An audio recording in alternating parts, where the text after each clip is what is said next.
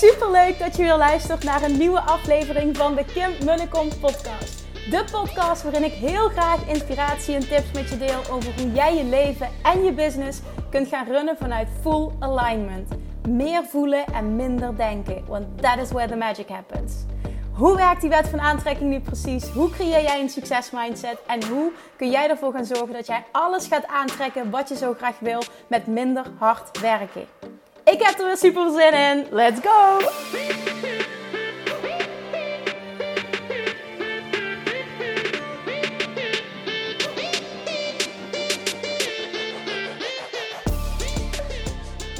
Good morning toppers, welkom back bij weer een nieuwe aflevering van de Kim de Kom podcast. Tof dat je er wel bent en het is vrijdag, dus dat betekent Q&A Friday. Je gaat zo meteen lekker luisteren naar weer een nieuwe Q&A uit de Love Attraction Academy. Ik heb weer een shitload aan vragen gekregen en uiteindelijk uh, alles beantwoord. En vervolgens er tien uitgekozen, allemaal verschillende onderwerpen. Uh, om uh, live nog eens te behandelen, omdat ik voel van oké, dit zijn de, de tien vragen die de meeste mensen gaan helpen. Dus daar ga je zo meteen lekker naar luisteren. En een big nieuwtje, je hebt natuurlijk al een klein beetje gevolgd met alles waar ik mee bezig ben. Het afkrijgen van de modules voor Self-Love Mastery. Um, en vervolgens het lanceren van het Business Mastery Membership en een VIP variant. En die VIP variant, dat gaat echt een heel tof, exclusief jaartraject worden. En daar heb ik ook heel veel zin in om, uh, om daar alles over te gaan delen. Bij deze willen wat ik je nu wil vragen, want er staan echt al heel veel mensen op de wachtlijst. Volgende week gaan we dat uitrollen. En ook de info over uh, op het moment dat je dit hoort, namelijk en je zou exclusievere coaching willen, dan um, raad ik je ook aan om je aan te melden voor de wachtlijst van het Business Mastery Membership. Want die lijst gaat als eerste van mij alle info krijgen. En ook uh, ik ga alles ook opnemen op video om echt heel duidelijk te kunnen schetsen van wat het is, voor wie het is. En uh, vervolgens ook de mogelijkheid om je als eerste aan te melden. Volgende week zal dat gaan gebeuren. Dus als je nog niet op die wachtlijst staat, zowel als jij interesse hebt in het Business Mastery Membership als in de meer exclusieve variant, schrijf je in voor de wachtlijst van het Business Mastery Membership. Als het goed is, kan het direct via mijn website www.kimmunnekom.nl, maar sowieso kan het ook via, mijn, um, via de link in mijn bio via Instagram. Volgende week gaat het dan echt gebeuren. Ik heb uh, deze week nog even nodig gehad, ook om wat dingen technisch te regelen, ook met mijn team. Uh, het heeft vooral te maken met hoe we dingen kunnen regelen um, als ik zo meteen uh, ja, net bevallen ben. Want ik ga zo meteen, dit is echt iets hoe we het gecreëerd hebben. Want dit is zo, dit wordt zo vet. Dit wordt zo vet. Dit wordt het, het ding waardoor jij voor een uh, fantastisch bedrag gewoon ongoing door mij gecoacht kan worden. En het is, nou ja, de, naam zegt het al, het is echt enkel voor ondernemers. Ik heb er vet veel zin in. Dit is ook voor mij mogelijk om te doen uh, tijdens mijn verlof. Dus uh, het, het, zal zeker zo zijn als ik net bevallen ben, hè, dat dat daar even rust in zit. Dus ik wil ook even met mijn team bespreken: oké, hoe gaan we dat technisch allemaal regelen, zodat dat allemaal in de backend uh, goed zit en dat geen ja, technisch shit wordt. Dus dat ik het ook nu kan lanceren. Nou, dat komt allemaal goed. Dus ik ben het nu helemaal aan het uitwerken, uh, pagina met informatie aan het klaarmaken, video's aan het fixen ervoor. Dus als jij voelt van ik wil erbij zijn en ik zeg dit even bewust, zorg dan dat je je op de wachtlijst zet. Waarom? Omdat er al zoveel aanmeldingen zijn voor die wachtlijst. Dat um, ja, het belangrijk is dat je daarop staat, omdat het anders wel eens zo zou kunnen zijn dat, uh, ja, dat er op dit moment misschien geen plek is. Ik ben nog even aan het bedenken hoe ik het precies wil gaan neerzetten. Maar um, ja, dat. Dus ik wil ook nu even niet te veel over delen. Ik wil alleen even zeggen, it's coming. En uh, als je die voelt, er heel blij van wordt en heel graag uh, voor de langere termijn door mij gecoacht zou willen worden, dan uh, is dit jouw kans. Want dat, ja, er is eigenlijk niks wat ik puur doe voor ondernemers voor de langere termijn. En al helemaal niet zo, zo, voor zo'n lage prijs. Dus ik denk dat dit gewoon echt, en dat daarom ook zoveel mensen meteen op de wachtlijst. Het sloeg ook meteen aan. Ik voelde meteen van ja, dit mag het zijn. Dus het is echt een, op alle vlakken gewoon een win-win situatie. Ook iets wat er nu kan zijn. Iets waarvan ik voel waar ik het allerbeste in ben in het helpen van mensen om echt mega resultaten te bereiken. En uh, vervolgens hetgene, en dat is juist ook de win hierin, mij het meest moeiteloos afgaat. En dan weet je gewoon dat het klopt. Hè? Zeker als je het bekijkt, zeker ook weer in het kader van de of Attraction. Dus dat eventjes, dat is even Uh, een nieuwsupdate zo lekker voor het weekend. Dus zorg dat je je aanmeldt nog. Volgende week dan alle info. En voor nu lekker luisteren naar die Q&A. Sit back and relax. En verwacht weer wat ik moet horen. Ga ik vandaag te horen krijgen. Ik ontvang altijd precies wat uh, voor mij bestemd is op dat moment. Ga lekker genieten van je weekend. En dan spreek ik je maandag weer. Doei doei!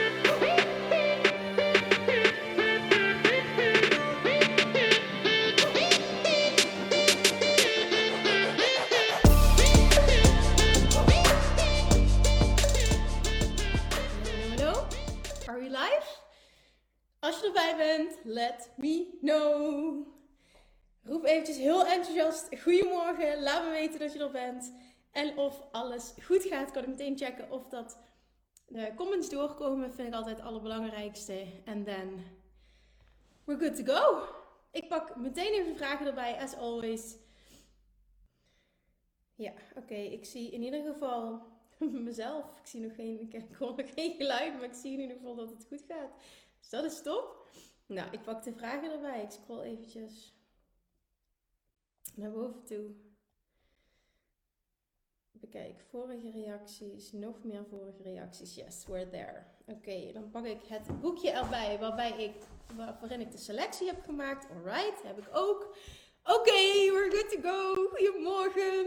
Ik ga heel eventjes wat liefde en good vibes ontvangen en teruggeven. Laura, goedemorgen. Daphne, Daniela. Estie, zie ik Vera, Carlijn, Obaya, Babette, Suus, Ingrid, Ilona, Kim, Linda, Danielle, Michelle, Melissa, Anne. Goedemorgen, Linda, nog een Linda. Oh, tof dat jullie er zijn, toppers.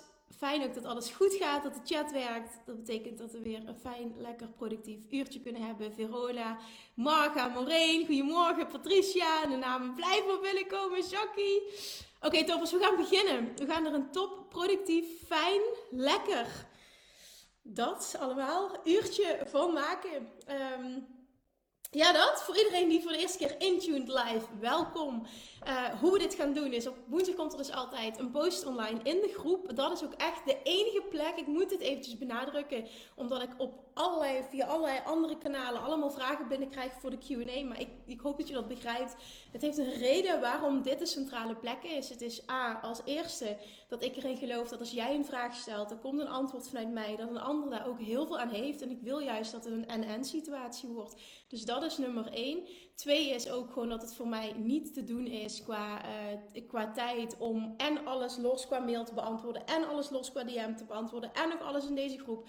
Dus en dan ook nog eens dat er via Messenger via Facebook dingen binnenkomen. Dat is niet de bedoeling. Dus alsjeblieft, heb daar begrip voor. Stel als je een vraag hebt, ook al vind je het moeilijk en is het kwetsbaar, absoluut. Maar durf die vraag toch te stellen in deze groep. Voel die veiligheid en ehm, ja, weet gewoon dat alles oké is, dat er nergens een oordeel op zit. Dat, uh, nou nogmaals, dat die veiligheid er is. Als ik het voorlees, noem ik ook geen namen. Dus ja, dat, dat wil ik eventjes benadrukken. Plus daarnaast heb ik dus sinds vorige week uh, heel erg benadrukt hoe belangrijk het is dat je vragen voor 8 uur s'avonds op woensdag zijn ingestuurd. Omdat het ook qua hoeveelheid voor mij, want nu is het weer over de 100, niet te doen is qua time management om alles op tijd te beantwoorden. Dus ik moet daarin ook streng zijn. Vragen die na 8 uur binnenkomen, um, die zijn dan voor het einde van deze QA bijvoorbeeld. Hè, want dan is er altijd nog mogelijkheid om vragen te stellen. En anders gaan ze, nou volgende week mag je ze daar opnieuw stellen. Um, ja, ik hoop inderdaad ook op je begrip daarvoor. Oké, having said that, gaan wij lekker beginnen. We hebben een super divers aantal. Oh, ik zie hier dat ik de vragen van vorige week heb. Lekker Kim, dit zijn ze van 21 april. Super diverse 10 vragen. Dat wilde ik ook bewust even doen. Ik dacht, oh lekker allemaal die verschillende onderwerpen. Dus sit back and relax. Enjoy the ride. En ga lekker, um, ja, ga intunen op deze good vibes. Laat je inspireren. Verwacht ook van wat ik moet horen komt nu door voor mij. En als je ergens op in wil gaan, dan kan dat. Weet op dat er op het einde altijd de mogelijkheid is om nog extra vragen te stellen. Oké. Ik zie ook dat ik getagd word door verschillende mensen. Volgens mij ook mensen die nu hier aanwezig zijn. Dus super leuk als je dit ook deelt op social media. Dat je enthousiast aan het luisteren bent. We doen altijd een wedstrijdje voor degenen die dat nog niet wisten. Wie mij het meest lelijk op de foto kan zetten of vast kan leggen op video. En dat is niet moeilijk, want ik krijg van iedereen te horen dat het erg lastig is om een fatsoenlijk screenshot van mij te maken. Misschien moeten we er een wedstrijdje van maken om het meest mooie screenshot, want daar zit de grootste uitdaging in. Dus als ik er een zie, dan ben ik je super dankbaar. En uh, ik zal straks ook uh, daarop reageren. Oké, let's go. Nou, eerste vraag die ik heb gekregen is van, um, die ga ik niet benoemen. Ik ga de vraag voorlezen. Kim, Hou je even aan je eigen regels. Oké, hey Kim, een vraagje. De situatie. Je hebt een idee wat je heel tof, vol enthousiasme bedenkt. Maar zodra je er wat langer over nadenkt, vraag je je af of het niet wat te buitensporig is wat je hebt bedacht. Hoe weet je of het angst van je ego is of juist inspired action van je inner being? Kortom, wanneer moet je klein beginnen en checken of het dan nog steeds een goed idee is? En wanneer moet je gewoon vol voor je plan gaan? Dankjewel en mooie dag. Ja, super mooie vraag. Ik heb daar uh, zeker een antwoord op, maar ik wilde nog wat meer achtergrondinformatie. Dus ik heb nog gevraagd, als je me iets meer info geeft, kan ik er wat dieper op ingaan. Oké, ik kreeg reactie, dankjewel. Op het moment van bedenken voelt het waanzinnig, maar al snel daarna denk ik, uh, misschien wat over de top. Context, tweede huis in Spanje kopen, vanuit daar ook intake slash één op één coaching aanbieden.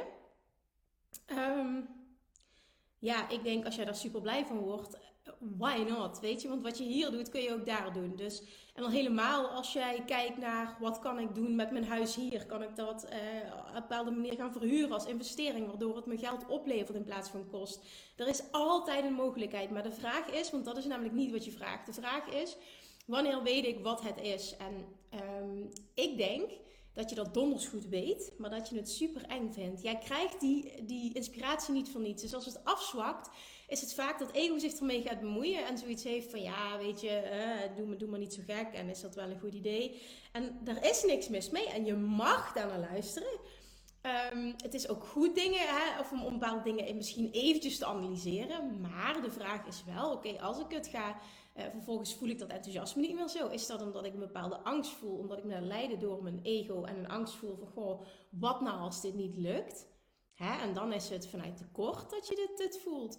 Of is het zo dat je denkt van oké, ja, ik voelde dit gisteren, maar na wat meer erover hebben nagedacht, denk ik van oh ja, misschien is dat nu even niet de eerste stap die het beste voelt. En daar zit een groot verschil in qua gevoel. Is het echt vanuit ik ben bang dat het niet lukt en vaak is het heel lastig om dat aan jezelf toe te geven.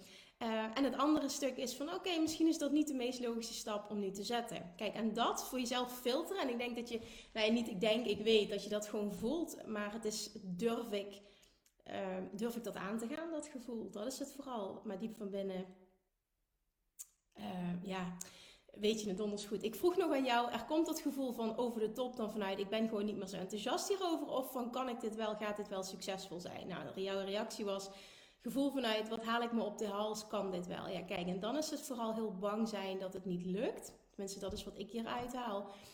En dan is de vraag van, oké, gaat dat bang zijn, overheersend zijn? Hè? Dan ga je verlammend werken en dan gaat het ook niet succesvol zijn. Maar wat nou als je eens gaat uitschrijven, heel concreet, wat gaat dit betekenen? Gaan uitzoeken, wat kost de huis in Ibiza? Wat zou dat betekenen? Moet ik misschien moet ik meteen kopen? Of kan ik ook starten met bijvoorbeeld eerst eens testen hoe dit voor mij werkt? Ik ga wat huren. En, en, en, uh, wat heb ik daarvoor nodig? Wat zijn daar de kosten van om het eens te ervaren? En dan jezelf openstellen voor alles wat komen gaat. Alles is goed, ook al doe je het en het pakt helemaal niet uit zoals je graag zou willen. Nou, perfect, ga je weer terug. Weet je, alles is goed. Misschien is het fantastisch en wordt de next step. Ik ga huren. Het hoeft ook allemaal niet zo drastisch. Dus wat ik zou doen vervolgens als je maakt van, ik vind het overwhelming omdat ik denk van, gaat dit allemaal wel goed? is dat je in kleinere stapjes gaat uh, opbreken. En heel concreet ook voor jezelf gaat bekijken. Want heel vaak hebben we grote doelen en lijken ze heel ver weg en heel ja, moeilijk en groot. Maar als je het gaat um, uitschrijven, dat is heel vaak wat ik doe bij bepaalde dingen. Echt helder gaat krijgen. Oké, wat, wat, wat houdt het in? Wat zijn dan de kosten? Uh, wat zou er nog meer nodig zijn? Wat moet ik in Nederland regelen? En dat allemaal op papier zetten, dan wordt het vaak super haalbaar en behapbaar en doable. En als je dat nog eens combineert met de mindset, nou ja, ik ga gewoon een stap zetten en als het niet lukt, sta ik mezelf volledig toe om een andere keuze te maken. Alles is goed, geen oordeel dan sta je er heel relaxed in en is het zoiets van, ja, yeah, why not? Let's try. Hè? En dan uh, weet ik in ieder geval uh, ja, het allerbeste of het het wel of niet is door te doen. Dus, I hope that helps. Sowieso ik dit aanvliegen in ieder geval. En als je er live bij bent, let me know of dit helpt. Oké, ondertussen nog heel veel nieuwe toppers die erbij zijn gekomen. Welkom allemaal. Goedemorgen. Tof dat je er bent. Ik hoop heel veel waarde te kunnen brengen um, op een hele fijne, efficiënte manier. Dus ga lekker luisteren. En als je een vraag hebt, dan uh, is daar op het einde nog ruimte voor. Tweede vraag die ik wil beantwoorden. Hey lieve Kim, ik merk dat ik een beetje vastloop in wat ik wil met mijn leven. Haha, dat klinkt heel dramatisch, maar zo is het niet bedoeld. Ik leg het eventjes uit. Tweeënhalf jaar geleden heb ik ontslag genomen in de kinderopvang om volledig voor mezelf te beginnen als newborn en gezinsfotograaf. Ontzettend leuk om te doen, toch ervaar ik stress. Ik vind het leuk, maar merk dat ik het niet meer fulltime wil doen. Het is continu actief zijn om klanten aan te trekken tussen haakjes. Supergoed deze opmerking. Die waarheid probeer ik te shiften. Want dat is wel interessant. Hè? Het voelt nu zwaar. En ehm, de, de vraag is, wat zit daar qua overtuigingen en daadwerkelijk en hoe je het aanpakt wat misschien niet bij jou past. Dus dat is echt heel interessant om te onderzoeken. En ook al komen ze gewoon op me afgestroomd, blijft het een uurtje factuurtje verdienmodel. Nou oké, die snap ik heel erg. Maar daar kun je wat aan doen.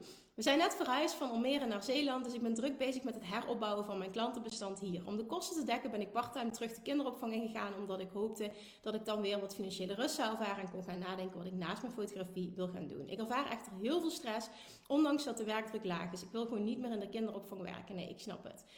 vaak heeft inderdaad stress heel weinig met werkdruk te maken, maar meer zit ik op mijn plek en ben ik happy uh, waar ik ben.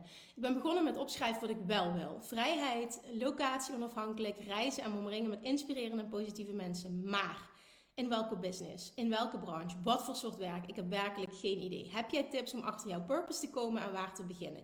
Ik weet dat ik verdomme wat te doen heb hier op aarde. Ik ben zoekende naar wat dat is. Oké, oké. ik heb hier heel veel ideeën over. Maar het allerbelangrijkste en hetgene wat ik wil duidelijk maken is dat ik nu heel erg het idee heb dat je veel te veel in je hoofd zit. Dat je het veel te moeilijk maakt voor jezelf. Dat het wat veel dichterbij is. Want ik vroeg aan jou, wat is het wat in eerste instantie heeft gemaakt dat jij blij werd van uh, de fotografie? Um, en vind je dat niet nog steeds leuk? Even op het moment dat het op een andere manier kon dan uurtje factuurtje. Wat trok je daar in eerste instantie aan? En de meest logische stap zou namelijk zijn om in die branche actief te blijven, maar enkel je verdienmodel te wijzigen. En reactie van jou is goede vragen. Fotograferen zelf vind ik ontzettend leuk om te doen. Ik haal heel veel energie uit het werken met mensen en met baby's en kinderen. Ik merk dat ik het lastig vind om mijn verdienmodel om te buigen. Ik kom telkens op dezelfde ideeën, maar creëer geen enkele vrijheid voor mezelf. Ja, en dat is omdat jij, denk ik, eh, heel erg jezelf limiteert um, in het stukje wat er mogelijk is, uh, naar aanleiding van wat je kent en om je heen ziet. En dat is erg jammer. Hiermee blokkeer je ook de wet van aantrekking om helderheid voor jou te verschaffen. Het werken met mensen, met kinderen en hen op een mooiste en meest pure manier fotograferen uh, geeft me enorm veel energie. Uh, editen vind ik niet heel erg leuk, zou ik kunnen uh, uitbesteden, maar ik ben bang dat ik, het, dat ik dan niet voldoende overhoud financieel. Dat is denk ik de grootste struggle om een droomleven te leven. Heb ik meer inkomen nodig, daarvoor moet ik dan harder werken, meer shoots, een ander soort werk ernaast doen of mijn prijzen verhogen. Maar ik voel nog niet dat mensen me daarvoor zouden willen betalen, aangezien ik al een van de duurdere fotografen ben in mijn vakgebied. Oké, oké, allemaal, ah, allemaal ook echt heel veel overtuigingen.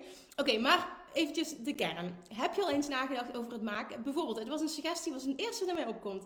Heb je al eens nagedacht over het maken van een online training over hoe moeders slash ouders zelf heel goed kunnen worden uh, in het fotograferen van hun gezin op een, op een mooie manier. In gezinsfotografie. Zodat ze heel vaak mooie herinneringen zelf kunnen maken. Zonder iedere keer een fotograaf in te huren. Dat is super schaalbaar en zou je naast je fotografie opdrachten kunnen doen. En dan zou je ook nog eens makkelijk het editen uit kunnen besteden. Waardoor het dus een en-en-en verhaal wordt. Reactie. Haha ja, daar heb ik inderdaad over nagedacht. Sterker nog, domeinnaam heb ik vorig jaar al gekocht en ik heb een opzet staan. Toch houdt iets me tegen en ik durf niet goed te zeggen wat. Oké, ook al kan ik dit totaal niet weten en is dit nogal een, een, een, een bold uitspraak om te doen. Ik denk gewoon dat je bang bent, omdat je deze wereld nog niet kent en wat nou als het niet lukt. Ik denk echt dat het puur met durf te maken heeft. Uh, misschien de angst voor het on oh, je zegt het zelf al. Misschien de angst voor het onbekende, de angst om mezelf te filmen, de angst dat het niet goed genoeg is. Uh, ik niet goed genoeg zou weten. Ja, dat, dat. Ik weet zeker dat het dat is. Misschien dat ik dit wel gewoon nog een keer moest horen om het daadwerkelijk te gaan doen. Ik weet dat ik een expert ben in het omgaan met kinderen. En daarnaast weet ik ook dat ik een goede kinderfotograaf ben. Ik doe heel veel op gevoel en dat is nou net wat mij zo goed maakt. Uh, dat is alleen ook een excuus dat ik mezelf uh, voorhoudt om maar niet te teachen. Ja, en ik snap dit echt heel goed, want ik heb mezelf twee jaar gesaboteerd om maar geen online training te maken. Ik had namelijk de overtuiging, ik kan niet van tevoren uh, content produceren. Ik kan alleen maar on the spot coachen, zeg maar. Dat is waar ik goed in ben. En dat heb, dat, die overtuiging, daarmee heb ik dus, uh, daarmee heb ik mezelf twee jaar lang gesaboteerd. En uiteindelijk was de drang, het verlangen zo sterk En de pijn waar ik in zat, zo groot dat, het niet, dat ik niet anders meer kon. Zo voelde het als veranderen en er doorheen te gaan. En toen ik dat ging doen en daadwerkelijk echt pen en papier pakte en voor het eerst ging brainstormen over oké, wat zou ik dan in een training willen hebben? Toen merkte ik dat het vrij makkelijk eruit vloepte omdat ik mezelf die toestemming gaf. En ook kon ownen van ik kan dit. En vervolgens is het, was het een kwestie van die camera aanzetten en just go. En ik had geen idee wat ik aan het doen was. Want ik kreeg ook vragen van, ja Kim, jij maakt zo'n goede online trainingen. Hoe doe je dat? Ja, ik heb ook maar gewoon een eerste stap gezet, pen en papier gepakt. Ik heb dit van niemand geleerd. Ik heb echt mijn, mijn eigen weg uitgezocht door te doen. En weet je, het is gewoon echt, de, het is door het oncomfortabele heen breken, door de angst heen breken. Ook dit zeg ik weer uit ervaring. Dus... Ah, je kunt dit wel, ook als je zegt van ik doe iets op gevoel. Er zijn bepaalde technische dingen die je kan doen. En hoe mooi is het dat jij mensen ook daarin leert om naar hun gevoel te luisteren. Ik bedoel, dit zou je letterlijk kunnen teachen in combinatie met de techniek die ermee gepaard gaat. Dus ook hierin is het weer en en. Het is vooral jij die jezelf nu saboteert door allemaal overtuigingen die je niet dienen, die je vasthouden in de huidige situatie en je letterlijk vastzetten. En de vraag is, hoeveel stress moet je nog ervaren? Voordat je eindelijk op een punt komt dat je denkt: oké, nu is het genoeg. Nu ga ik er doorheen breken. Ik laat me leiden door mijn verlangen. Mijn verlangen is sterker dan angst. En let's do this. Wetende dat het helemaal oké is dat het een eerste keer flopt. Maar niks doen, dan flopt het sowieso. Want met niks doen verander je niks. Juist door een stap te zetten, want mijn allereerste lancering was echt niet super succesvol.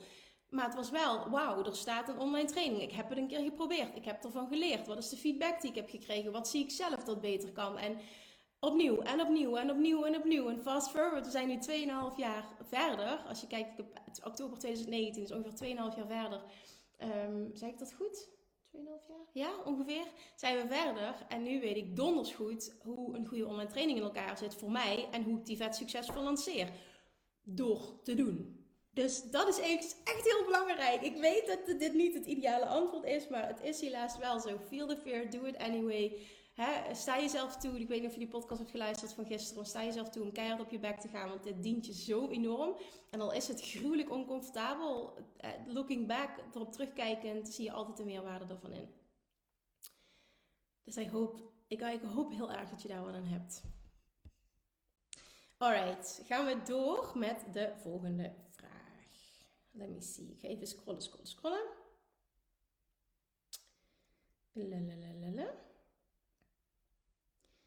Waar is de vraag die ik wil beantwoorden? Mhm. Oké, dit gaat niet helemaal goed, want ik zit nu al op het einde. Oké, excuses.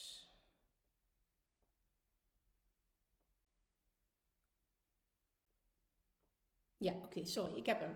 Oké, zijn we. Hey Kim, ik heb ontzettend moeite met loslaten van een bepaald persoon die nog steeds ontzettend veel voor mij betekent, maar besloten heeft om een punt achter onze relatie te zetten na 20 jaar. Meer dan de helft van mijn leven. Nu, één jaar verder is de situatie nog maar weinig veranderd, merk ik. Elke dag ben ik met hem bezig. Hoe kan ik hem ondanks het dagelijks contact over de kids loslaten? Ja, ik, uh, mijn eerste reactie is door jezelf iets beters te gunnen. Nu gun jij jezelf elke dag pijn en verdriet.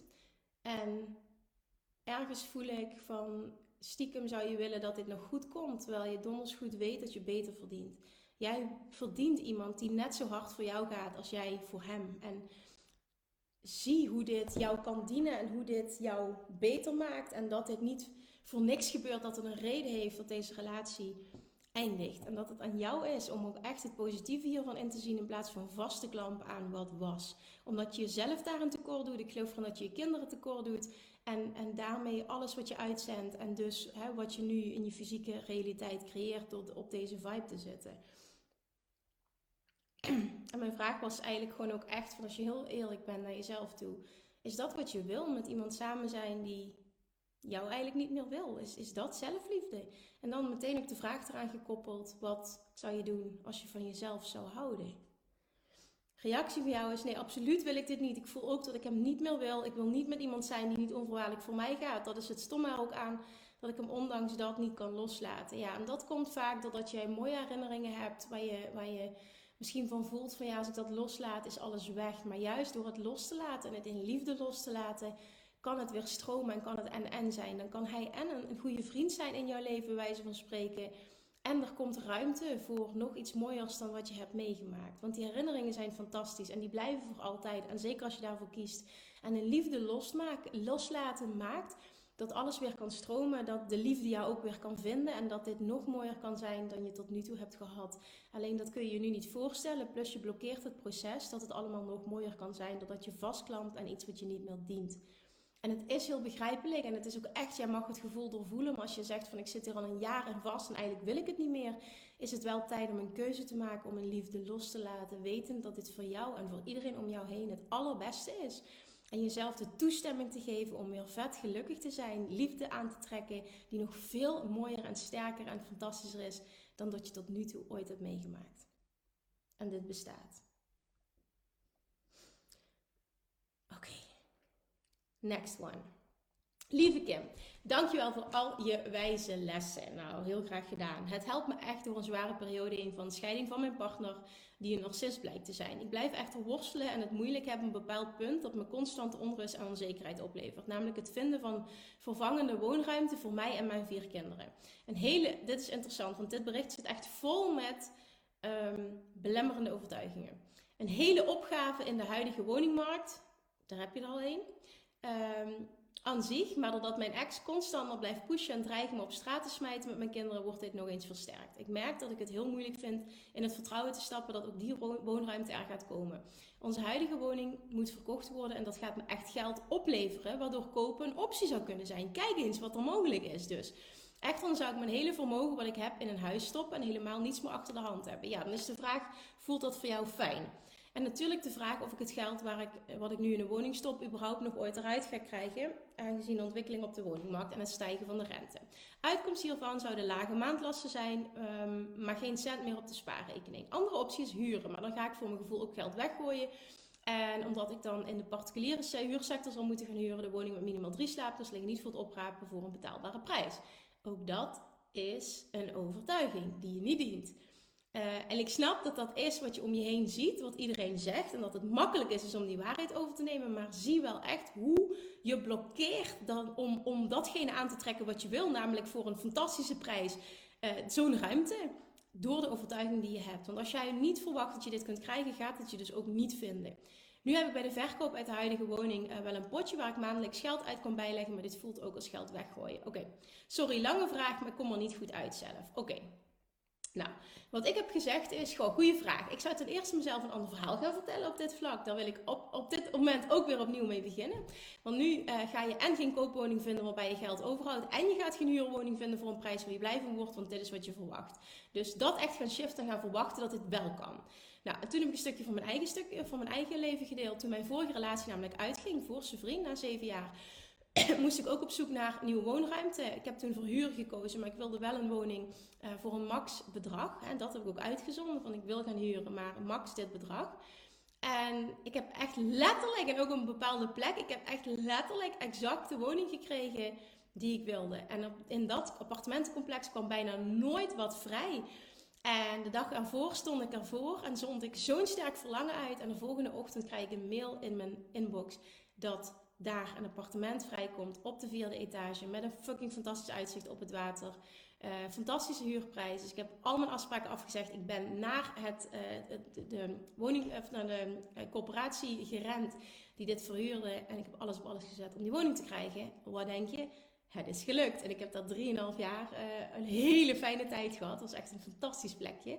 Dus het was een en-en-en verhaal. En daarom zeg ik dit zo sterk van het verhaal, omdat ik dit uit ervaring uh, weet dat het echt zo werkt. Uh, wat ik ook heb gekozen toen en ik snap je een stukje over geld weggooien, maar aan de andere kant, voor mij voelde het huren heel erg als mezelf de toestemming geven om opnieuw te gaan besluiten wat ik wil met mijn leven. Om opnieuw te gaan ontdekken wat mijn pad mag zijn en mezelf die rust te gunnen om dat te doen. Ik heb zelf pas op mijn 35ste, een jaar geleden, toen we dit huis kochten, heb ik voor het eerst in mijn leven een huis gekocht.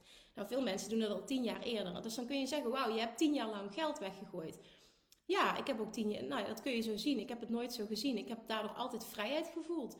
En mezelf de mogelijkheden gegeven om het in andere dingen te stoppen, waardoor mijn geld ook meer waard werd. Dus het is ook maar net hoe dat je besluit om daarna te kijken. Alleen de massa zegt, je gooit geld weg als je gaat huren. Maar ook dit kun je weer in een bepaald perspectief plaatsen. Hoe kies je om dat te zien? Want het biedt ook heel veel opties. En ik denk dat jouw grootste taak is nu om een mindset shift te maken en te gaan zien... Uh, in eerste instantie te gaan afvragen: oké, wat wil ik nu heel graag? Hè? Waar zit het voor mij in de NN? En vervolgens ook, hoe kan ik het zo gaan shiften zodat ik dit ga aantrekken? Ehm, zou je hier voor tijdelijke aard ook geld in investeren vanuit vermogen? Ja, die vraag snap ik niet. Want ik heb namelijk tegen jou gezegd, ik zag dat als een kans om mezelf eens opnieuw ehm, te gaan ontdekken en de volgende stappen uh, helder te krijgen. Ik heb nu dus pas op mijn 35 vorig jaar mijn eerste huis gekocht en daarvoor alleen maar gehuurd. En dan zeg jij nog, zou je hier voor tijdelijke aard ook geld in investeren vanuit vermogen? In het huren bedoel je? Ja, uh, why not? Omdat het mogelijkheden biedt. En het geld wat jij krijgt voor je huis, of een deel daarvan, zou je ook kunnen investeren in andere dingen wat meer geld, wat meer geld waard wordt als je, als je die overtuiging hebt in ieder geval. Dus ja, ik zie ook hier weer een en verhaal. Oké, kom ik eventjes terug op de vorige vraag. Lieve Kim, ik ben je zo ontzettend dankbaar voor het zo uitgebreid beantwoorden van mijn vraag. Dankjewel voor je liefdevolle schop. Ik zit met dikke tranen in mijn ogen. Oh, en ik voel me helemaal wankel en shaky. Ik vind het zo eng. I know, het is ook eng, want het is een nieuwe wereld. I know, het is ook eng. Maar daar zit wel jouw goud. Oh, nu ga ik hem helemaal inzoomen. Dit is heel vervelend. Uh, en ik weet eigenlijk niet eens waarom. Ik voelde ik mezelf inderdaad saboteer. Daar waar ik twee jaar geleden stiekem zo succesvol was, voel ik me nu zo leeg en gestrest. Ik moet andere keuzes gaan maken en stoppen met deze overtuiging. Ik heb de podcast dus nog niet geluisterd. Ik ben vanavond alleen thuis. Ik ga hem dan eindelijk ik ga hem dan luisteren en hoop ik mezelf eindelijk de kans te geven mezelf te filmen. Nee, weet je hoe je dit gaat reframen? Je gaat niet, ik hoop mezelf dan eindelijk. Nee, ik ga mezelf dan eindelijk uh, toestaan om een beginner te zijn, om fouten te maken, om flink op mijn bek te gaan. En ik ga gewoon die video maken. Punt. That's it. Ik maak die keuze. Ik besluit dit gewoon. De materialen hebben ik. Heb geen idee waar te beginnen. Maar misschien is de eerste stap van het maken van een video wel de juiste eerste stap die ik moet zetten. Dat. En luister ook even naar de podcast van vandaag. Van hoe maak je een supergoeie online training. Want dat vroegen meer mensen. Dus ik heb daar ook mijn proces in gedeeld. Dus hopelijk geeft dat ook wat vertrouwen. Oké, super fijn deze reactie. En het is echt helemaal oké dat je je zo voelt. Dit hoort erbij. Ik zeg dit uit ervaring, dit hoort erbij. Maar juist daar doorheen breken gaat succesvolle ondernemers onderscheiden van minder succesvolle ondernemers. Al het succes dat jij zoekt is aan de andere kant van die angst. En die kan ik niet vaak genoeg blijven herhalen. Alright, we gaan door. Um, even kijken, volgende vraag. Yes, oké, lieve Kim. Sinds twee weken ben ik samen met mijn vriend een half jaar aan het reizen in onze zelfgebouwde camper. Ja, fantastisch. Ik lees dit. Ik merk altijd dat ik zoveel kriebels krijg als ik zoiets lees. Natuurlijk echt helemaal spannend, ver buiten mijn comfortzone, maar het was al heel lang mijn droom en dus ging alles op alles om deze droom te realiseren. Nu we twee weken onderweg zijn, blijft het allemaal spannend en kan ik heel moeilijk negatieve gedachten uit mijn hoofd krijgen. Zoals bijvoorbeeld of alles wel stevig en goed gebouwd is en of er geen vervelende dingen gebeuren, zoals ongelukken uh, of inbraak in onze bus. Allerlei gekke scenario's. Onze bus geeft nu ook een, een, motorstoring aan, wat natuurlijk helemaal shit is. Heb ik het zelf gemanifesteerd door mijn negatieve gedachten? Ja, die kans is heel groot. Maar weet je, je moet hier ook niet een schuldgevoel van krijgen, want dat is Ja, dat is helemaal niet um, wat nu belangrijk is. Mijn vraag is of jij misschien een tip hebt om al deze negatieve gedachten los te laten en te gaan genieten van alles wat er gebeurt. Ja, nou ten eerste zou ik het voor mezelf interessant vinden om te gaan onderzoeken van wat is nu echt de kern daarvan? Waar ben ik nu echt bang voor? Want er zit iets diepers onder.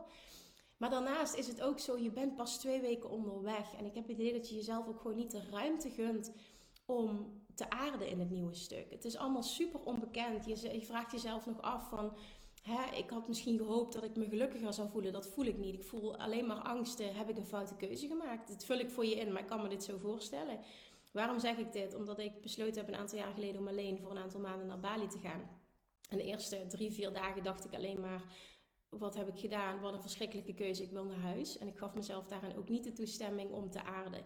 En toen ik dat wel heb gedaan en daar doorheen ben gebroken, is het daarna de meest fantastische tijd van mijn leven geworden. Dus ik heb ook heel erg het idee dat jij nog veel meer mag loslaten en mag accepteren van wow, ik ben pas net twee weken onderweg. Ik mag mezelf deze reis gunnen. Het is allemaal nieuw. Ik had er misschien iets fantastisch van verwacht en dat voel ik nog niet meteen. Heb ik misschien een foute keuze gemaakt? Weet je, al die gedachten komen en laat al die gedachten er zijn. Maar geef ze vervolgens ook een plekje. Laat ze los. Laat ze voor wat het zijn. Het zijn slechts gedachten. Je hoeft er geen conclusies aan te verbinden. Probeer er echt relaxed in te staan. Uh, geef jezelf de toestemming om dit te doorvoelen. Uh, dit mag over een maand nog zo zijn. Maar doorvoel het. En op het moment dat je voelt van nou, het voelt echt niet goed, sta jezelf dan ook toe om een andere keuze te maken. Ik denk dat het heel erg zit in acceptatie en loslaten. En dat dat gaat maken dat deze gedachten gaan verdwijnen. En daarnaast is het interessant om voor jezelf te gaan onderzoeken wat maakt dat je dit zo sterk voelt. Hè? Waar, waar ben je echt bang voor? Wat is de grootste achterliggende of onderliggende angst? Nou, die vraag heb ik jou ook gesteld. Ik ga nog even kijken wat je hebt gereageerd. Um,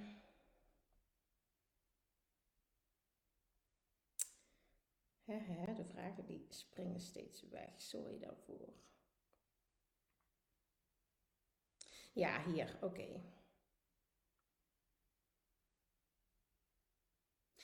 Ja, daar heb ik al heel veel over nagedacht. En zelfs al veel um, over geschreven, zeg je in een dagboekje. Elke keer probeer ik mijn gedachten om te buigen en inderdaad te genieten van het moment. Omdat je met druk maken niets opschiet. Dat weet ik me al te goed. Maar elke keer als ik een negatieve gedachte eindelijk krijg omgebogen, komt de volgende alweer tevoorschijn. Ik vind het lastig om erachter te komen waardoor ik zekerder kan worden. Um, en ik vroeg nog, wat zit er onder die gedachte? Waar ben je nou echt bang voor? Lastige vraag, maar ik denk de angst dat het allemaal tegenvalt. Oké, daar komt het antwoord al. Dat is precies wat ik dacht. Al is dat misschien niet een echte angst, dat is wel hetgeen wat ik het sterkste voel. En dat is hartstikke normaal. Want jij voelde, dit is mijn allergrootste droom. Daar koppel je dan ook een bepaalde verwachting aan. Dit moet mega groot voelen, mega fantastisch, mega bevrijdend.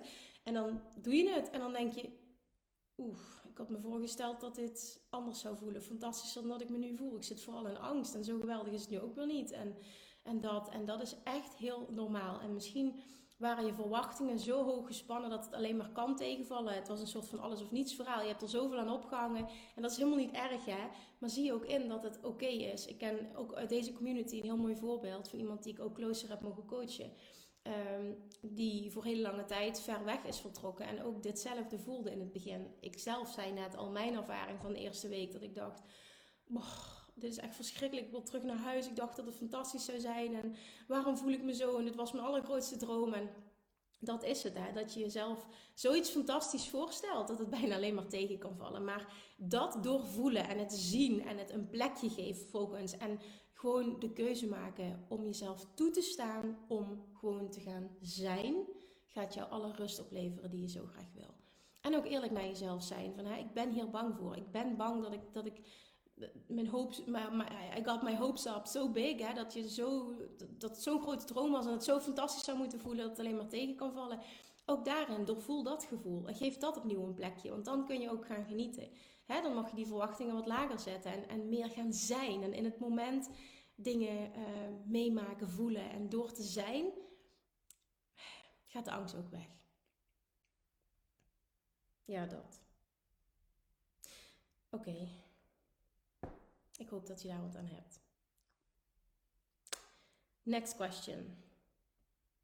Hey Kim, dit is ook een hele goede, echt weer een hele andere vraag. Ik heb een goede vriendin die nagenoeg hetzelfde werk doet als ik. Ik ben behoorlijk succesvol en mijn zaak loopt goed. Zij en ik steunen elkaar in alle werksituaties, maar toch kan zij het niet laten om eens in de zoveel tijd subtiel te laten vallen hoeveel meer omzet zij heeft en te hinten dat zij bijvoorbeeld veel sneller werkt dan ik en meer output, output dus omzet heeft. Ik heb net even contact met haar en dan fietsen in het gesprek dat zij tot half juni propvol zit. Bij mij is mij nog angstvallig leeg en sowieso werk ik nooit zo ver vooruit eigenlijk. Ik hou aan dit soort opmerkingen toch een rotgevoel over. Of schoon ik niet geloof dat, dit, eh, dat ze dit bewust doet om mij naar beneden te halen. Het is basis boven basis en ik voel me dan altijd inferieur. Heel benieuwd naar jouw gedachten hierover. Ja, nou, ik, ik heb gezegd tegen jou, een supermooie vraag. De kernvraag is hierin wat jij nodig hebt om je zo zeker en vol zelfvertrouwen te voelen dat het je helemaal niets doet dat zij dat zegt. Laat haar lekker die opmerking maken. Ik vraag me dan zelf, als iemand dat doet, meteen af van wat maakt dat jij de behoefte voelt. Hè? Wat maakt dat iemand anders dus de behoefte voelt uh, om dat te zeggen. En voor mij is dat een teken van, um, ik, ik, ik, wil het hoog van de daken schreeuwen hoe goed ik het doe. En dat is gewoon het verbloemen van keiharde onzekerheid. Dat is mijn waarheid, daar hoef je verder niet over te nemen. Maar dat is hoe ik het zie. Maar dit gaat niet over haar, dit gaat over jou. Wat heb jij nodig om hier niet meer door te laten raken? Wat maakt dat dit jou onzeker maakt? Dat, dat is wat ik jou gezegd heb. Dank voor dit super waardevolle antwoord, lieve Kim. Het grappige is dat ik me ergens deep down hetzelfde afvroeg. Dat soort dingen zeg je in de regel toch echt om je eigen onzekerheid te maskeren. Denk ik ook, maar we'll never know. En, en eigenlijk doet het er ook niet toe.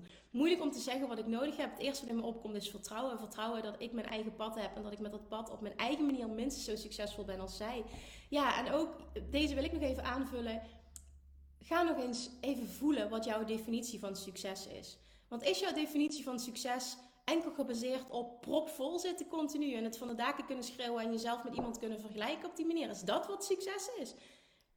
Het is een vraag, hè? Ik bedoel, er is geen goede fout. Ik voel meteen bij mezelf, nou, dat is niet het succes. Ik bedoel, voor mij is succes vervuld zijn, blij zijn, vervuld worden in hetgeen wat ik doe. En dan op alle vlakken. Hè? Dat, het, dat het vervullend is qua feedback, qua wat ik mag doen, met wie ik mag werken. En vervolgens ook hoe ik ervoor gecompenseerd word. Dus het is een en-en situatie.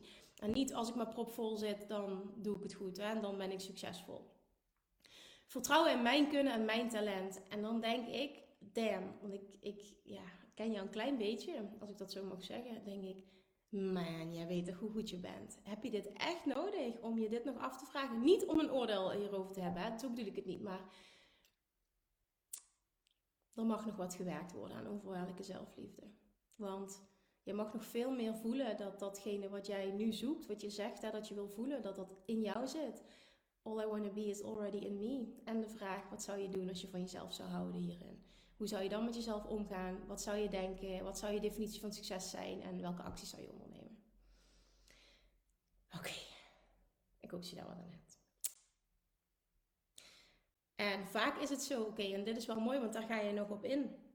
En wat ik nog aan jou vroeg, ben jij wel happy met hoe jouw leven nu is? Want vaak is het zo dat we ons laten raken door een ander op het moment dat we niet happy zijn met hoe ons leven nu is. En dan duwt iemand met de vinger op onze zere plek dan gaan we ons onzeker voelen. Wat zou je nog anders willen in je leven, vroeg ik jou. Als je namelijk zelf helemaal oké bent met waar je nu bent, raken die opmerkingen totaal niet meer. Dit zeg ik uit ervaring. Reactie van jou nog. Wat een mooie en confronterende vraag. Nee, ik ben niet happy. En dat vind ik heel knap dat je dit durft toe te geven. Ik doe dit werk vanuit een hassel, lack om veel geld te verdienen. Oké, wauw. Dit is knap dat je dit zegt. Ik moet scenario's en boeken schrijven. Dat wil mijn hart. De mogelijkheden op dat gebied komen continu op mijn pad, dus ik moet even wat inspired action ondernemen. Mijn vriendin doet dit werk wel omdat ze het leuk vindt. Het is dus appels en peren vergelijken eigenlijk, dus ik moet me ook niet meer vergelijken. Oké, wauw, oké. Oké, je zegt heel veel nu. En ik denk dat dit voor jou de wake-up call mag zijn om niet alleen dit te zien, het bewustzijn te hebben, maar ook wat de laatste stap mag zijn om er wat aan te doen. Ik vind het heel knap dat je zo eerlijk bent. Dus echt complimenten daarvoor. Even kijken. En hier komt nog een vraag. In de situatie over die vriendin die steeds laat vallen dat ze zo vol zit, ben ik benieuwd wat je advies zou zijn omtrent het aangeven van een grens. Als je het misschien wel naast je neer kan leggen, maar dat het ook irritant is dat het steeds gebeurt. Ehm, ja, ik zou me dan afvragen wat. Um, ja, ligt eraan natuurlijk hoe, hoezeer het een, een, een, een goede vriendin is. Hè? Ehm, en hoe close je met haar wil zijn. Ja, dat. Of het je echt joy oplevert om met die persoon samen te zijn. Dat is hoe ik het zou aanvliegen. En daarnaast zou ik echt wel ook weer, dan ken ik mezelf dan vrij goed in, naar mezelf gaan kijken en gaan denken: oké, wat is het toch zo dat mij dat irriteert? Wat, wat is het toch dat mij zo irriteert daarin? En ik zie dat bijvoorbeeld in een bepaalde uh, familieomstandigheden ook, dat er een paar mensen tussen zitten die heel erg de behoefte hebben om heel hoog van de daken te schreeuwen hoe geweldig ze zijn, hoe geweldig hun kinderen doen, hoe dit, hoe dat. En, en ik merk in familieopzicht, terwijl ik denk, eh, vanuit familie en school, ja, weet ik eigenlijk niet zeker, maar dat, dat, dat als je kijkt naar hoe vervuld ik ben en, het hele financiële stuk, dat ik een van degenen ben die het het beste doet, maar die daar nooit in privé situatie over praat, nooit behoefte voelt om. Hè, ik bedoel, ik, ik, deel bepaalde dingetjes wel in mijn podcast puur om te inspireren en, en, hè, en mensen te laten zien wat mogelijk is. Maar eh, dan weet ik van, er zit iemand op te wachten. Maar in, in bijvoorbeeld een privésfeer of zo, totaal die behoefte niet om dat te doen. En, en ik denk dat dat heel erg zit op, ik heb het niet nodig om me op die manier beter te voelen um, ten opzichte van een ander om, om, om zo te zijn. Daarmee zeg ik niet dat het niet goed is als je dat wel van de daak schreeuwt. Hè? Daar zit geen oordeel op. Alleen het, is, ik, het antwoord bij mij, voor mij zou zijn in, in, in de context van die, die vraag. Um, wat, hoe dient die vriendschap mij nog? En vervolgens ook meteen de vraag: um, ja, wat zegt dit over mij dat dit me zo raakt? Dat is de belangrijkste. Oké. Next up. Oké, hey Kim. Ik werk sinds februari weer drie dagen in het onderwijs en ik ben mijn eigen bedrijf gestart in rijke healing en cursussen geven. Ik ben er een tijdje uit geweest als zwangerschapsverlof en een maand ziek gemeld vanwege mijn herstel. Nu wil ik natuurlijk uh, naast mijn onderwijsbaan veel informatie tot mij nemen. Als in altijd iets leren op persoonlijk vlak en voor mijn kindje zorgen en ontspanning. Ik ben alleen nog erg zoekende naar een goede verdeling. Mijn onderwijsbaan vergt veel van mijn energie. Heb je tips? Ja, dat vond ik ook een hele goede vraag en weer een hele andere. Dus daar wil ik ook wat over delen. Ook als moeder zijnde en uh, ja, super ambitieus persoon die haar business wil laten groeien. En zwanger en net een huis verbouwd en en en. Dus ik denk dat ik daar wel wat over uh, te delen heb. Um, en de eerste vraag die ik jou stelde is: wat zijn de momenten dat jij het meeste energie hebt gedurende de dag? Ik snap je vraag heel goed en jezelf super goed leren kennen en weten wat jij nodig hebt is het allerbelangrijkste. Wanneer zou jij bijvoorbeeld vast dagelijks een uur leren in kunnen plannen? Ik combineer het bijvoorbeeld met ochtends me klaarmaken. Als ik hè, op de badkamer ben, dan zet ik uh, vaak inspiratie aan. Uh, tijdens het wandelen, rond een uur of vier, vijf, doe ik dat elke dag een uur. als ik in de auto zit, om Julian bijvoorbeeld op te gaan halen. En s'avonds ga ik een half uur tot een uur in bad. En dan is het ook me-time, als Julian in bed ligt.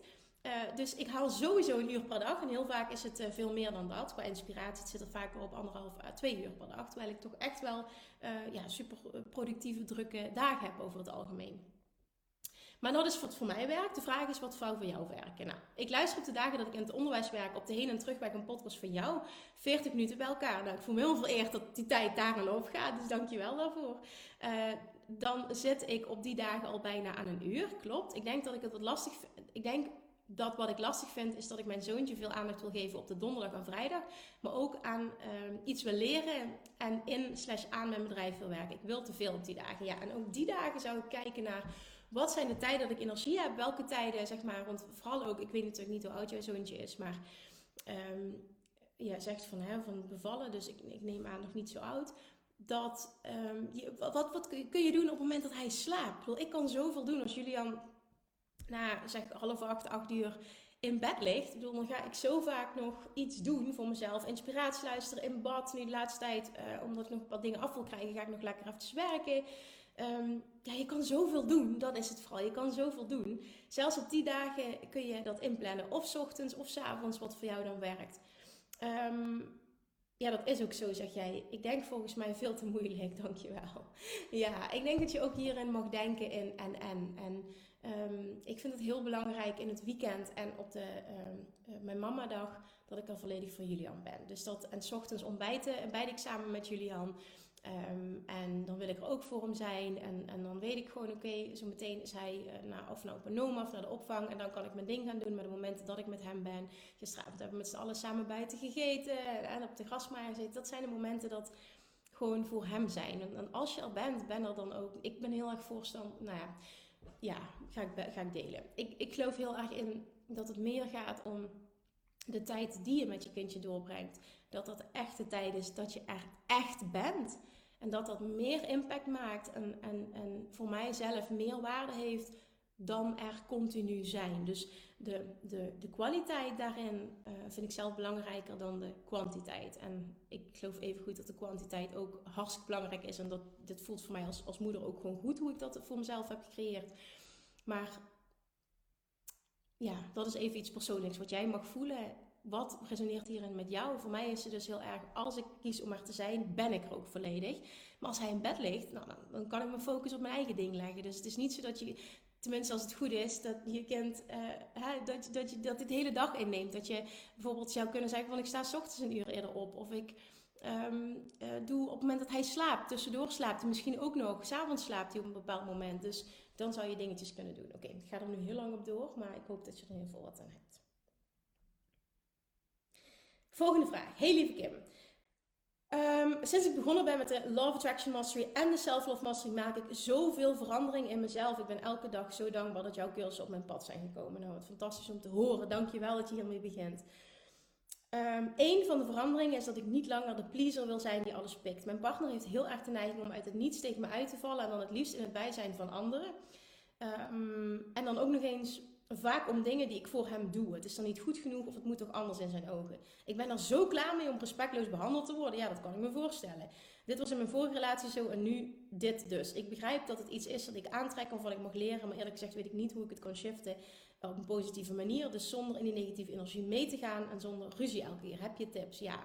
Door echt, echt, echt veel meer je grenzen aan te geven. Nu sta jij het toe dat mannen over jouw grenzen heen gaan, omdat je dat toelaat. En daarmee faciliteer je dit gedrag. En het begint bij het stoppen met het faciliteren van dit gedrag. Jij moet grenzen gaan stellen. En niet enkel grenzen gaan uitspreken, maar vervolgens daar consequenties aan verbinden en je daaraan houden. Datzelfde geldt voor de opvoeding van kinderen. Op het moment dat je merkt van kinderen terroriseren me, dat betekent dat jij over je heen laat lopen. Jij staat het toe dat dit gebeurt. Jij mag strenger zijn. Jij mag je grenzen aangeven. En ook aan jou heb ik de vraag gesteld: wat zou je doen? Hoe zou je reageren? Welke keuzes zou je maken als je van jezelf zou houden? En ik zei tegen jou, en ik heb hier een hele module over opgenomen, onder andere dit, het hele relatie-liefdesstuk. Uh, module 7 gaat erover waar ik nu middenin zit. Dus dit komt nog, zei ik tegen jou. Maar voor nu, wat heel belangrijk is, dat jij grenzen gaat trekken, voor jezelf op gaat komen. Hem heel duidelijk laat weten dat je dit, dat je niet meer zo wenst te laten behandelen. En daar vervolgens conclusies aan te verbinden en je uh, ook actie te ondernemen. Dus niet enkel zeggen dat je iets gaat doen, maar het vervolgens ook doen. En wat het dan is, dat is volledig aan jou. Maar dat is hoe je dit gaat veranderen. Want anders blijf je dit faciliteren en wordt het alleen maar erger. En de kans is heel groot dat dit gaat stuiten op gedoe. Want hij is een bepaalde vrouw gewend. En die verandert nu. En dat gaat hij niet fijn vinden. En dat kan voor heel veel gedoe zorgen. Maar uiteindelijk is het de vraag: ben ik bereid om door dat gedoe heen te gaan, um, verwachtende dat het vervolgens beter wordt? Of is het zo, dan ga ik maar weer terug naar het oude en laat ik me het even heel zwart-wit, als voetveeg behandelen. Respectloos behandelen. En die keuze is aan jou, maar ik denk dat je het antwoord diep van binnen wel weet. Oké. Volgende, nog twee vragen. Hey Kim, ik kan er niet live bij zijn, maar ik kijk het heel graag terug. Sinds begin dit jaar ben ik mijn eigen business begonnen als virtual assistant. En ik vraag me af, hoe kun je de Love Attraction inzetten als je nog niet zo goed weet wat je wil of welke kant je op wil met je business? Ik heb de vorm al helemaal voor me, maar nog niet precies de inhoud. Al, als in, ik vind dat ik klanten moet kunnen helpen met mailblue of adverteren. Maar diep van binnen resoneert dat niet. Wat is jouw advies hierop? Oké, nou ten eerste, want dat heb ik nog niet gezegd tegen jou. Wat maakt dat je dit niet voelt? Oh, val ik nu weg of ben ik nog aan? Want mijn laptop valt nu uit. Mijn beeld valt uit. Top dit. Hopelijk de live niet. Oké, sorry, verder. Um, dus, dus wat maakt dat je dit niet voelt? Wat, wat resoneert niet? En door te weten wat je niet wil, weet je ook beter wat je wel wil. Dus waar denk je dat je wel van aangaat? Wat mis je op dit moment? En vervolgens, um, door te focussen op wat je wel al allemaal weet en hoe je je wilt voelen en letterlijk om helderheid vragen aan het universum. Dit is iets wat ik ook heel vaak doe. Zend uit dat je helderheid letterlijk vraagt aan het universum om helderheid te ontvangen en verwacht dat je het gaat krijgen zonder de tijd te willen controleren. Want daar zit nou net het punt, want dat is wat we allemaal willen. We willen het nu. Het moet nu komen. En juist omdat je het nu wil, verstik je het universum, ben je niet onthecht en kan het antwoord niet tot je komen. Dus ik zou onderzoeken van oké, wat maakt dat ik dit niet leuk vind? En, en, en door dit te weten, wat denk ik dat ik wel wil? En vooral, hoe wil ik me voelen? En vraag dan letterlijk om helderheid. Als je het hebt over die, het vijf stappen proces, vraag, vertrouw, verwacht, volledig onthecht en uh, wat was nou? Uh, vette Inspired Action. Ik kreeg vorige week kreeg een tip tijdens de masterclass die ik gaf. Dat het, uh, dat het vijf V's zijn. En dat had ik zelf nog niet in de gaten. Ja, het is vette Inspired Action. Ja, hebben we ervan gemaakt. Het was heel grappig. misschien vind je dit helemaal niet grappig. Ik wil het even delen. Ik was zo mijn vijf stappen proces aan het teachen tijdens de masterclass. Dus verlangen, vertrouwen, verwachten. Volledige onthechting. Dus ik had vier V's. En toen kwam ik bij de vijfde aan. Dus ik vroeg van wie weet wat het is. En toen zeiden heel veel mensen, uh, als het niet met een V begint, krijg ik kortsluiting. Dus ik dacht, hè, waar heb je het over? En toen dacht ik, oh, ik heb allemaal V's. Oh, interessant. Wat kan ik van Inspired Action maken? Nou ja, vette Inspired Action. Dus dat is eigenlijk het proces dat je hier ook mag toepassen, de vijf V's. En um, al is het maar om helderheid te vragen. Dus letterlijk zend het verlangen uit, vertrouw, verwacht, ben onthecht en neem uh, vette inspired action op het moment dat het komt. En dat komt op het moment dat jij onthecht bent. Oké, ik hoop dat je daar wat mee kan. Het is minder moeilijk dan je denkt, maar je mag het wat meer loslaten. Je mag wat minder in je hoofd gaan zitten. Oké, en dan de laatste vraag. Um, hey lieve Kim, ik volg de Self Master en ik ben in de derde module nu. Ik kreeg in juni 2021 Lyme en ik zit sinds januari thuis met, met burn-out klachten. Mijn eigen waarde en zelfliefde was en is soms nog ver te zoeken. Ik wil de situatie heel graag accepteren en een gezonder, fitter lijf manifesteren, maar ergens blokkeert het. Ik kan het niet voelen. Ik geloof en voel zeker dat ik zulke stappen zet in persoonlijke ontwikkeling, dat ik uiteindelijk uit de burn-out kom. Maar voor wat betreft de Lyme kan ik het niet voelen. Dat maakt me onwijs verdrietig, want ik wil zo graag, misschien wel te graag. Ja, belangrijkste vraag hierin is: het zijn twee dingen. Maar de eerste is: wat gaat jou helpen om iets positiever te geloven dan waar je nu in zit. Dus wat gaat jou helpen om dichter bij het shiften van je verhaal te komen? Nu kun je namelijk niet geloven dat ehm, je weer een soort van terug, terug kan gaan naar wie je was. Hè? Die energie kan hebben, dat je de lime niet meer hebt. Ik heb het idee dat je dat niet kan geloven. Wat heb je nodig om daar wel een stap in te zetten, om daar dichterbij te komen? Dat is de eerste vraag. En de tweede vraag is wat ik heel sterk voel bij, jou, ehm, bij jouw vraag is dat je heel erg nog in de weerstand zit en nog niet volledig hebt omarmd dat dit nu eenmaal de situatie is. Waarom zeg ik dit? Omdat juist door het wel te accepteren dat het op dit moment is zoals het is, kun jij vanaf dan weer voorwaarts gaan, omdat je de weerstand loslaat. op het moment dat je het niet accepteert, zit je nog in de vechtmodus, in de weerstandmodus. Ik wil dat het anders is. En dat maakt dat het niet kan stromen en dat je jezelf enorm in de weg zit. En dat je uh, die overvloed die je zoekt en het stromen en de helderheid en de energie die je zoekt van je afhoudt door de overtuiging die je hebt. Ik ga even kijken of je daar nog op gereageerd hebt. Nee, heb je niet. Ik weet niet of je er nu live bij bent. Maar dat is een hele belangrijke. Het zijn eigenlijk die twee dingetjes. Hè? Het stukje echt volledig accepteren. Jezelf afvragen, heb ik dat gedaan? Heb ik wel echt alle weerstand losgelaten? Ik denk dat het antwoord nee is, want anders zou het veel meer stromen. En vervolgens ook, wat, wat voor kleine stap kun jij zetten om een ander verhaal te vertellen, om wel dichter bij dat geloven te komen. Alright, dat waren ze. De tien vragen die ik heb geselecteerd. Oké, hij is zes maanden oud. Wat superleuk dat je mijn vraag beantwoordt. Ja, zes maanden, oké. Nou, dan, als het goed is, slaapt hij nog veel. Dus eigenlijk zou jij veel tijd moeten hebben voor jezelf als ik even terug ga naar hoe mijn situatie was. Natuurlijk wel ook nog uitgeput en zo, dat wel, dat absoluut. Maar ja, die tijd voor jezelf zou je ook weer energie moeten geven, omdat je iets doet wat je fijn vindt. Oké, even kijken. Oké, nou in ieder geval nu is er ruimte voor. Uh, zijn er, is er ruimte voor nog vragen? Dus shoot.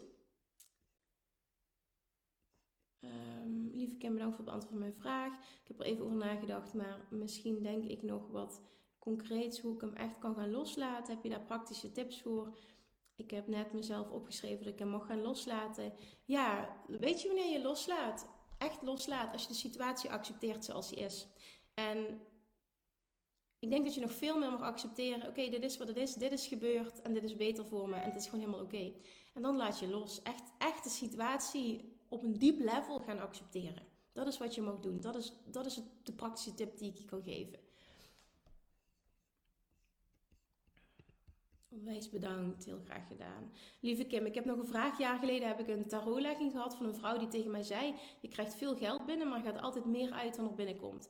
Ik merk dat dit mij onbewust tegenhoudt om in overvloed te denken. Op de een of andere manier blijft dit in mijn hoofd zitten. Hoe krijg ik deze overtuiging eruit? Nou, dat mag zo zijn, maar het is wel iets waar je invloed op hebt. Dus ja, dit mag zo zijn en dat mag zij gezegd hebben en, en, dit mag nu jouw waarheid zijn. Maar je mag ook meteen die shift maken en, en de realisatie voelen van oké, maar als dit, ik, wil, ik heb invloed op wat eruit gaat. Dus dat betekent dat ik wat mag veranderen. Ten eerste aan mijn verhaal en vervolgens aan mijn gedrag.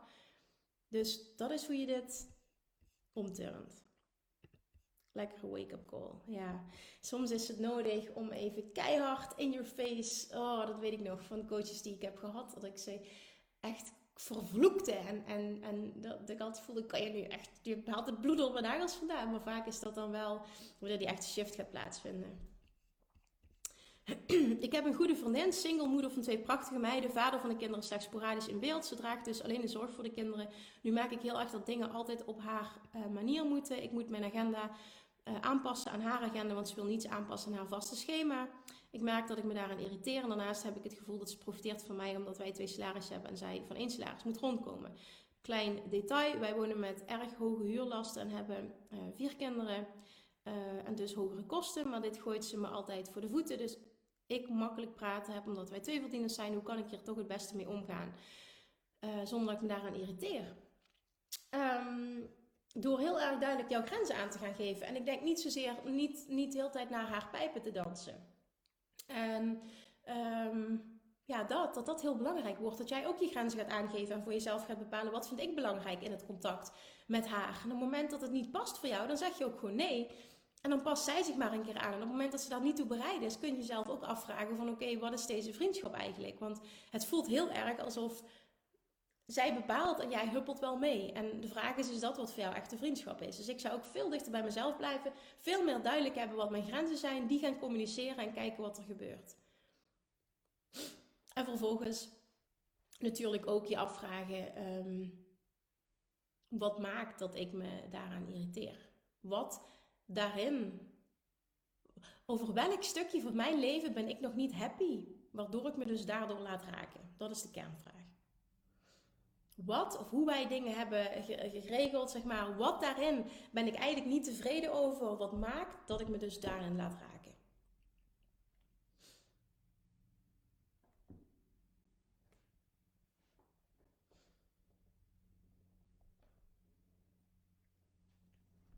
Oké. Is er nog iemand die een vraag heeft? Dus roep dan eventjes ik, want dan weet ik ook of ik moet wachten. Want anders gaan er hele lange pauzes vallen en dat is ook zonde. Hier, Kim, super bedankt voor je antwoord. Of huren of kopen. De situatie is nu dat ik een woning ter beschikking kan krijgen op de plek waar ik wil voor max twee jaar. Maar het enige wat niet klopt voor mij is het bedrag aan huur dat gevraagd wordt. Dit ligt ongeveer 350 euro hoger dan mijn max. Uh, wat ik in mijn hoofd heb. Ik weet dat het geld vanuit de opbrengst van de huidige koopman wel is, maar dan ben ik bang dat ik het geld ga missen als ik in de toekomst wil kopen. Deze oplossing zou mij nu alle rust en ruimte geven om naar een andere woning op zoek te gaan vanuit rust en veiligheid voor de kinderen en de plek vanuit ik kan herstellen. Denk ik nu vanuit een tekort met geld uitgeven. Nou, je zou ook kunnen proberen van kan ik dat bedrag nog wat omlaag krijgen? Kijk eens of je wat kan onderhandelen. En vervolgens zou ik gaan kijken van het geld wat ik, op, wat ik opzij zet, kan ik daar iets um, in doen wat voor mij voelt als veilig investeren, waardoor het rendement oplevert Ehm, en ik bijvoorbeeld die 350 euro op die manier compenseer. Dat zou ik nog kunnen doen. Maar ik zou ook de onderhandeling aangaan. Eens kijken wat je er nog vanaf kan krijgen. Misschien kun je er nog wel 100 euro vanaf krijgen. Dat is wel mooi meegenomen. En ook weten van ik hoef daar niet twee jaar te zitten. Ik bedoel, vanuit daar geef ik mezelf de rust en de overvloed om opnieuw te bepalen wat wil ik. En um, ja, nogmaals vanuit rust nieuwe keuzes te maken. Ik denk dat dat de allerbelangrijkste is. En dan vervolgens ook te accepteren, oké, ik maak deze keuze nu, dus ik ga ook niet miepen over dat geld. Ik ga ook niet continu vanuit tekort blijven denken.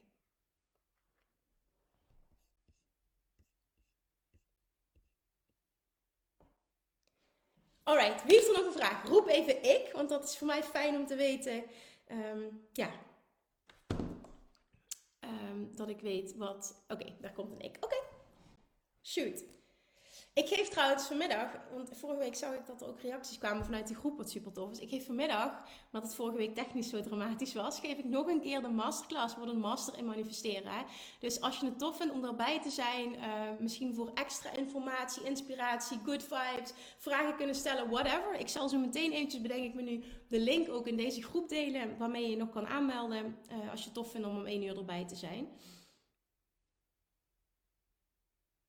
Want ik zag de vorige keer uh, daar van alles van voorbij komen. Toen dacht ik, oh, dat had ik ook wel even kunnen doen. Dus ik ga proberen om het, ga proberen om het wat korter te laten duren. Ik merkte de vorige keer dat zo, zo live, dat zo tof vond. Dat ik, uh, nou ja, echt on en on en on. Uh, ik kan in ieder geval, ik word er niet na twee uur uitgekeken. Dat hebben we geregeld. Maar ik ga toch proberen om het wat uh, compacter te maken. Maar ik zou het leuk vinden als jij in ieder geval ook voelt van... Het zou voor mij meerwaarde kunnen zijn. Dan voel dat je welkom bent. Oké, lieve Kim. Ik geef binnenkort twee rijke groepscursussen, maar heb nog maar één aanmelding binnen hiervoor. Er zijn meer mensen die een cursus bij willen volgen, maar dit dan of op ene of een andere datum uh, of individueel. Wat kan ik doen zodat ik toch nog cursisten krijg voor die dagen? Ik heb er namelijk mega veel zin in en wil zoveel mogelijk mensen dit leren. Uh, door helemaal oké, maar dan echt hè, op volksniveau helemaal oké te zijn met die ene persoon. Vanuit overvloed marketing blijven doen. Wat, wat de marketing is die jij doet en die voor jou werkt. Uh, maar helemaal oké te zijn met die ene persoon. Dus niet vanuit een tekort je marketing doen. Want dan trek je geen nieuwe mensen aan. Op het moment dat je echt helemaal oont. Dat je volledig oké bent met die ene persoon. Dan moeten er anderen komen, want je zit in overvloed. Even kijken, dankjewel. Ik zou ook super graag voor mezelf nog beginnen. En die kans zou ik van hieruit ook kunnen krijgen. Absoluut. Denken in mogelijkheden. Dank, dank, dank. Fantastisch. Dat is echt fantastisch hoe je nu denkt. Kan ik vanuit de onrust, vanuit mijn baan nu naar een andere baan toe? Uh, alles kan, alleen het mooie vind ik van wat Abraham Hicks daarvan teacht, op het moment dat je iets vanuit onrust doet en vanuit tekort, ga je jezelf in een nieuwe baan weer tegenkomen, omdat je niet de stap maakt vanuit overvloed. Dus het, het beste wat je kan doen is, hoe kan ik de rust vinden in mijn baan nu? Hoe kan ik oké zijn met waar ik nu ben, waardoor ik dus vanuit overvloed iets nieuws ga manifesteren en daarin ga stappen? Kun je de masterclass terugkijken? Ja, als je je aanmeldt via die link die ik dan zo meteen even erin stuur, krijg je s'avonds een mail met een replay. Dus dan kun je inderdaad nog terugkijken. Ja. Kan je enkel afvallen door andere gedachten en verder niks aan te passen aan je eten en bewegen? Ja, volgens Abraham Hicks wel. Maar heel veel mensen vinden dat lastig om te geloven, inclusief ikzelf. Um, en daardoor werkt het niet voor je. Snap je wat ik daarmee bedoel? Dus Abraham Hicks teach dat dit dus echt mogelijk is. En in de kern geloof ik het. Maar ik kan het voor mezelf bijvoorbeeld niet verwachten. Dus ik heb ook bepaalde, um, ja, hoe zou ik dat zeggen? Een, een bepaald. Um, ja, een bepaalde waarheid, een bepaald patroon wat mij heel erg dient. Want daardoor voel ik dat ik kan eten wat ik wil. maar bepaalde waarheden over eten, wat voor mij werkt. Maar in de kern, inderdaad, is wat jij verwacht en hoe je over eten denkt, gaat bepalen. Dat is echt wat Abraham Hicks teach. Hoe het voedsel door je lichaam uh, wordt ervaren. Hoe het wordt opgepakt, wat ermee wordt gedaan. En daar geloof ik wel heel sterk in. Want dingen die ik nu allemaal kan eten, waar ik gewoon slank van blijf. Daar, vroeger had ik daar de overtuiging eh, over dat ik daar dik van werd. En dat gebeurde dan ook. Dus het was echt van, ik dacht ergens over. Ik, ik ervaarde een bepaald voedingsstuk of taart of koek of zo. Op een bepaalde manier. En het gebeurde ook. Dus ja, dat is wat ik daarover wil delen. Het voelt heel goed om dit voor mezelf te gaan doen. Loyaal naar mijn werkgever, al heel lang in dienst qua fulltime personeel is het drama. Oké, nou het belangrijkste is dat je sowieso altijd ook hier kiest om je gevoel te volgen. En als dit goed voor jou voelt, dan is het een stap die je mag zetten. Maar doe het dan inderdaad vanuit overvloed.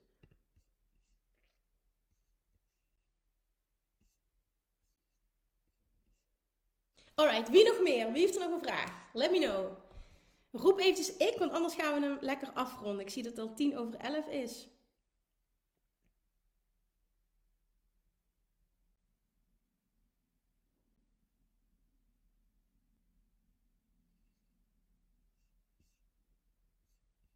Oké, top. Um, vind hier ook een hele mooie vraag. Wat zou je doen als je van jezelf zou houden? Op de vraag van kun je afvallen door je gedachten te veranderen? Want heel veel ongezonde dingen eten, is dat echt wenselijk voor je lijf? Ja, precies, dat is het een beetje. Maar de vraag is dan ook weer, als je hem weer dieper gaat stellen, wat is de definitie van ongezond? Er zijn ook heel erg de meningen over verdeeld. Is dat helpend voor je energielevel en alle mineralen die het nodig heeft? Want ik bijvoorbeeld merk aan mezelf, en ik eet nu... Ehm, ja, ik eet nu in mijn zwangerschap ook echt veel slechter dan ik normaal zou doen. Ik krijg veel meer suiker binnen, maar ik ben daar helemaal oké mee. Ik heb het volledig geaccepteerd. Maar ik merk ook dat het in het moment lekker is, maar dat ik me daarna helemaal niet, niet per se beter voel. Dus dat is wel wat jij zegt. Hè? En als je dat dan eh, bijvoorbeeld, eh, ik ben echt verslaafd aan spekjes bijvoorbeeld op dit moment. Als je het hebt over die dingen, ik krijg heel veel suiker binnen.